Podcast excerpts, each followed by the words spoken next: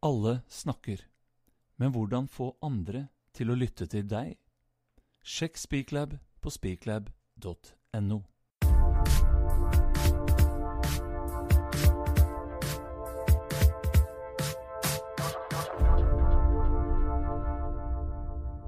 Det er ett av de større oppdrettsselskapene som har slitt mer med resultater og lakseproduksjon enn de andre. I fjor gikk selskapet i minus, og merdene har mye mindre laks enn det de har kapasitet til. Hvorfor er det sånn, og hva skal de gjøre med det? Vi skal få høre fra både toppsjefen og en analytiker som følger selskapet tett. Velkommen til Laksekast, Sysla sin podkast om oppdrettsnæringen. Jeg heter Camilla Odland, og i dag skal det handle om Grieg Seafood. Med meg har jeg konsernsjef Andreas Kvarme. Grieg Seafood har oppdrett av laks fire steder. I Rogaland, Finnmark, Canada og Shetland. Hvorfor har dere spredd dere sånn? Nei, Det har nok litt med historie å gjøre, men, eh, men, per i dag så er det jo sånn at vi er lokalisert i både det, det store markedet i Nord-Amerika og med leveranse inne fra Canada. Og vi er òg lokalisert i Europa med tre produksjonsregioner. Finnmark og Rogaland fra Norge og Shetland, eh, mainland Skottland fra UK. Er det noen ulemper for organisasjonen at dere er såpass eh, mange forskjellige steder? Eh, I utgangspunktet så er det jo ganske spredt, og det er noen tidssoneutfordringer eh, oppi dette. Men eh, per i dag så kan jeg ikke se at det er noe ulempe. Det er tvert imot en, en fordel med, med, tanke på leveranse inn til det nordamerikanske markedet. Men, men selvfølgelig det er en utfordring å, å lede så langt vekke. Mm, det kan jeg tenke meg. Og Grieg Seafood har skilt seg litt ut fra de andre store oppdrettsselskapene når det gjelder resultater. Eh, og der andre har levert gode resultater, har det vært mange kvartaler med minus hos dere. Og jeg så på årsresultatet i fjor som endte med minus 9 millioner før skatt. Og det var ned fra et overskudd på 172 millioner i 2014. Men så i første halvår i år hadde dere rekordresultat, og andre kvartal ble det beste noensinne. Så da lurer jeg på hva har skjedd? Har dere bedre drift, eller er det kun takket være de høye lakseprisene? Det vil jo være eh, for enkelte å si at uh, det er bare bedre drift som gjør dette. For uh, alle vet jo at lakseprisene har vært veldig gode hittil i år. Det har vært et, et, veldig godt år med tanke på laksepriser. Men samtidig så velger vi jo å tro at en del av disse tiltakene som vi har gjennomført i selskapet, er med og, og bidrar positivt. Og hvilke tiltak tenker du på da? Ja, Det går på måten vi nå er organisert på. Det går på uh, fokuset vi nå har eh, fått på, uh, på, drift. Og at det er operativt fokus som er ute i regionene. Så prøver vi å yte den servicen fra, her fra Bergen som vi kan til regionene. Mm -hmm. Og Hvorfor har det vært flere år med minusresultater? Ja, jeg skal være veldig forsiktig med å uttale meg for mye om det som har vært i dette. Men det er vel en enkel analyse at vi har Eh, gjennom flere år eh, så har vi mm, produsert for lite per konsesjon, eller tilgjengelig konsesjon og lisens som vi har, i, i, faktisk i alle områder. Og vi har hatt eh, litt for høy dødelighet på den smolten som vi har eh, satt ut. Og er det ting dere har gjort noe med nå? Det er noe vi har veldig høyt fokus på i, eh, per i dag. Mm. Og hva gjør dere for å både øke produksjonen og få bukt med de biologiske problemene? I, altså, det kortere tid du har uh, fisken i, i sjøfasen, der, som er mindre kontrollerbart, uh, til bedre er det. og uh, Målsettingen vår er å sette ut bare større smolt. og Vi investerer per i dag ganske betydelig smoltkapasitet. Vi åpner et nytt smoltanlegg på Shetland i fjor som gir oss kontroll på egen smolt og kontroll på størrelse på smolten eh, som vil bidra til at vi får ned tida i sjø fra 24 måneder til 18 måneder. Vi investerer nå 120 millioner i Rogaland eh, i år, eh, som skal være ferdig operativt eh, i midten av 17 eh, med, med ny, større smolt. Mm. Og da var jeg tenkt å spørre deg hva dere vil gjøre for å unngå at resultatene svinger sånn. Er det noe av det du var inne på nå? Det er bl.a. noe av det jeg eh, var inne på nå, ja. Det er tett oppfølging og motiverte ansatte. Det er eh, alfa og omega. Og så har jeg sett at dere har som mål at kostnadsnivået i Grieg Seafood skal ned på et bransjegjennomsnitt eller lavere. Så da lurer jeg på hvor høyt er kostnadsnivået i dag, og hvorfor er det høyere enn bransjegjennomsnittet? Nei, Det er pga. at vi, kostnadene er for høye, rett og slett fordi at vi ikke har uh, klart oss å utnytte den produksjonskapasiteten som vi har tilgjengelig.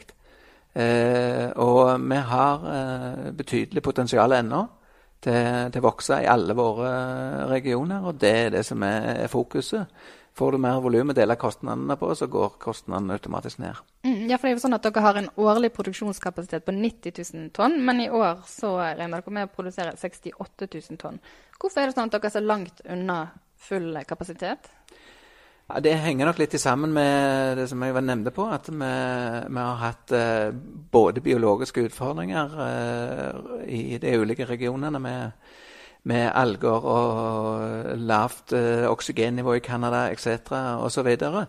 Samtidig som vi ikke har hatt en robust nok smolt, som, eh, som også gjør at Og gjerne ikke sett ut nok, nok smolt og eh, tatt høyde for dette. Mm. Og Du nevnte biologiske utfordringer, og en av de som oppdrettsnæringen er opptatt av, er jo lakselus. Og Hvor viktig vil du si at kampen mot lakselus er for dere? Ja, Det er veldig viktig. Det er jo et, eh, et område som alle eh, kjemper med. og Skulle helst sett at vi ikke hadde den lakselusen, men det er en naturlig del av, eh, av floraen i, i, sjøen. Så det er om å gjøre å holde det nivået så lavt som mulig, og helst unngå å få den inn i, i, anleggene. Så jeg vil jo si at det, blir brukt veldig mange hundre millioner per i dag på forskning, forskning eh, på dette. En dag blir dette løst. Om det ikke blir i morgen, så håper jeg det blir i overmorgen. Ja, og Hvilke tiltak gjør dere nå mot eh, lakselus?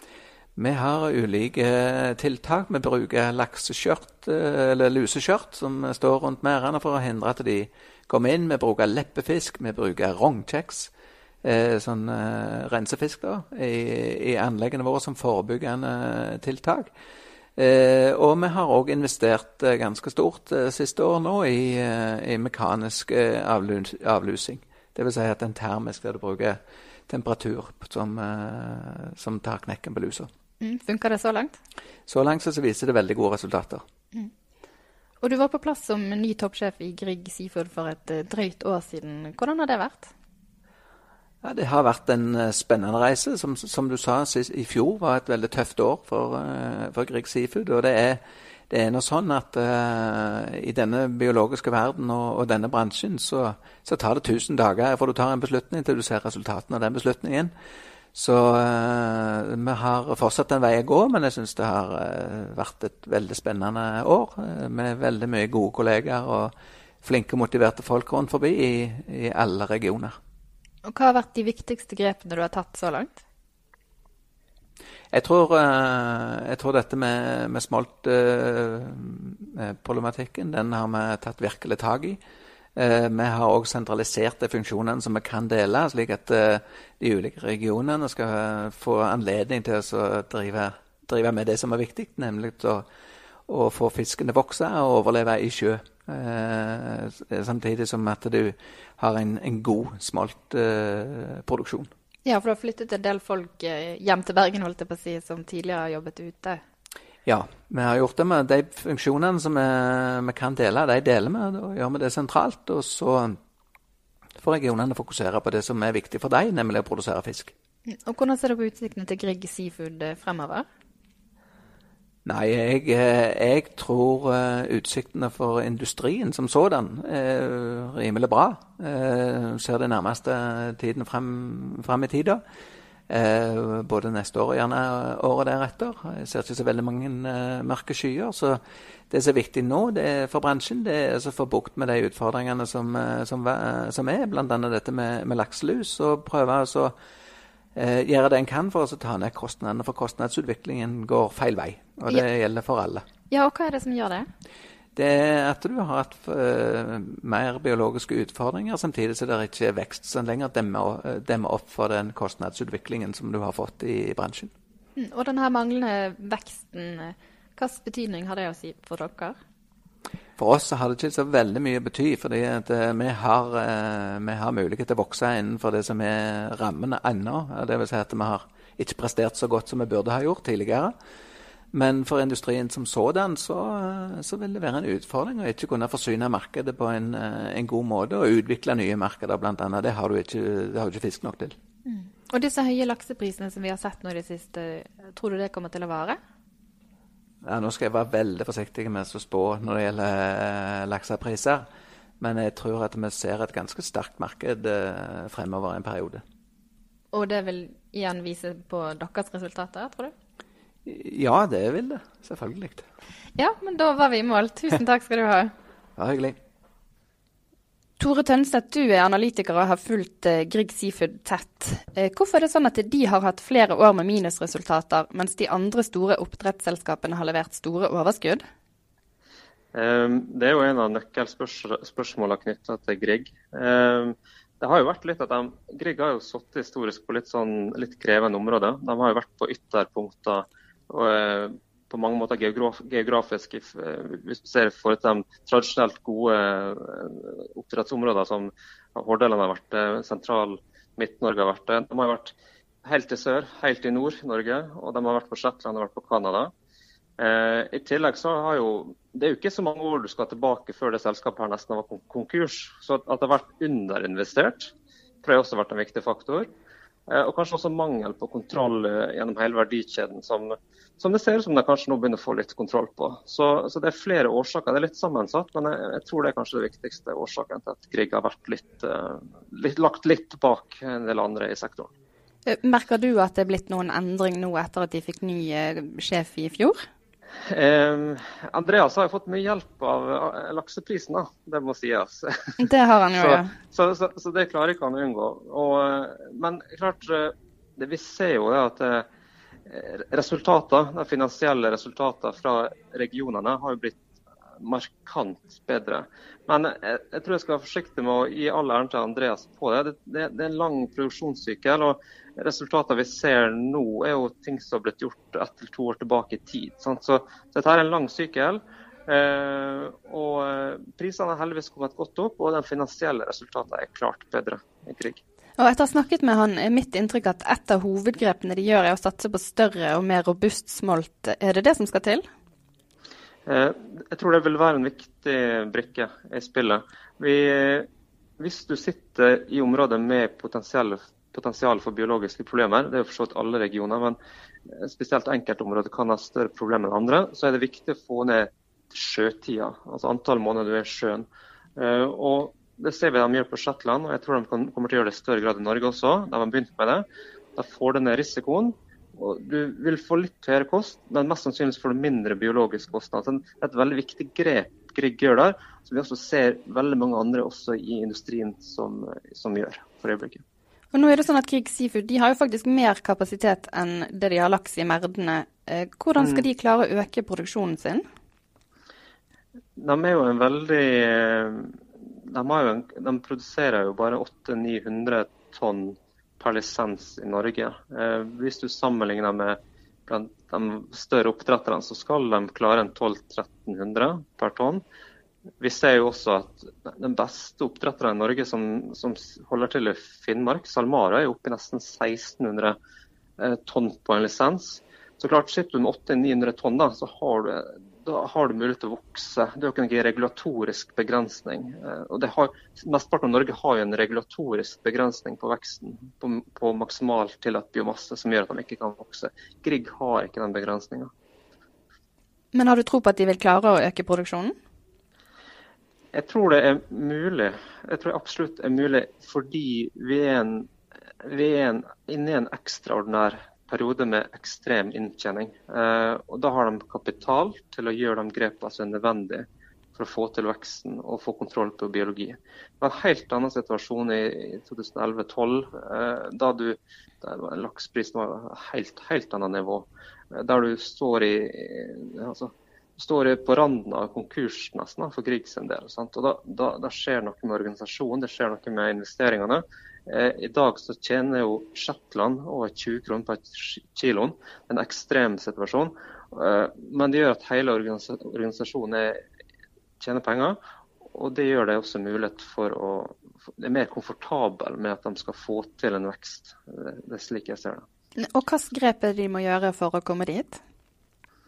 Eh, det jo, for det første er jo Når du har ledig, ledighet, ledig kapasitet, så er det rett og slett bare at du må øke produksjonen av, eller kjøpe en smolt, eller helst kanskje ha kontroll på smolten. Produsere den sjøl, få den i sjøen. Det er egentlig snakk om å få fisken ut i sjøen og få kontroll på biologien. Ha nok brønnbåtkapasitet, ha mekanisk avlusning. slik at du, slik at du er i stand til å ta imot en vekst. Altså. Det, det, er ikke så, så, komplisert, men det er komplisert i hvert fall en situasjon hvis du ikke tjener penger. Men det gjør du nå. Ja, for, de har jo slitt både med alger og oksygenmangel og lus, og på en måte hatt mange forskjellige biologiske problemer. Det er riktig. Det har vært uh, hele spekteret, fra bakteriesykdommer til virus til parasitter. Så, så en god blanding av det meste. Uh, igjen er litt fordi de, de har sittet på krevende, litt krevende regioner. Uh, spesielt Canada og Shetland har vært veldig krevende. Uh, ser det spesielt sånn på Shetland, der du, der du har hatt sjøtid på 22 måneder. Sant? Og få det ned til 17-18 måneder i sjø, så reduserer du eksponeringa i sjøen og får ned risikoen. Så det er viktig.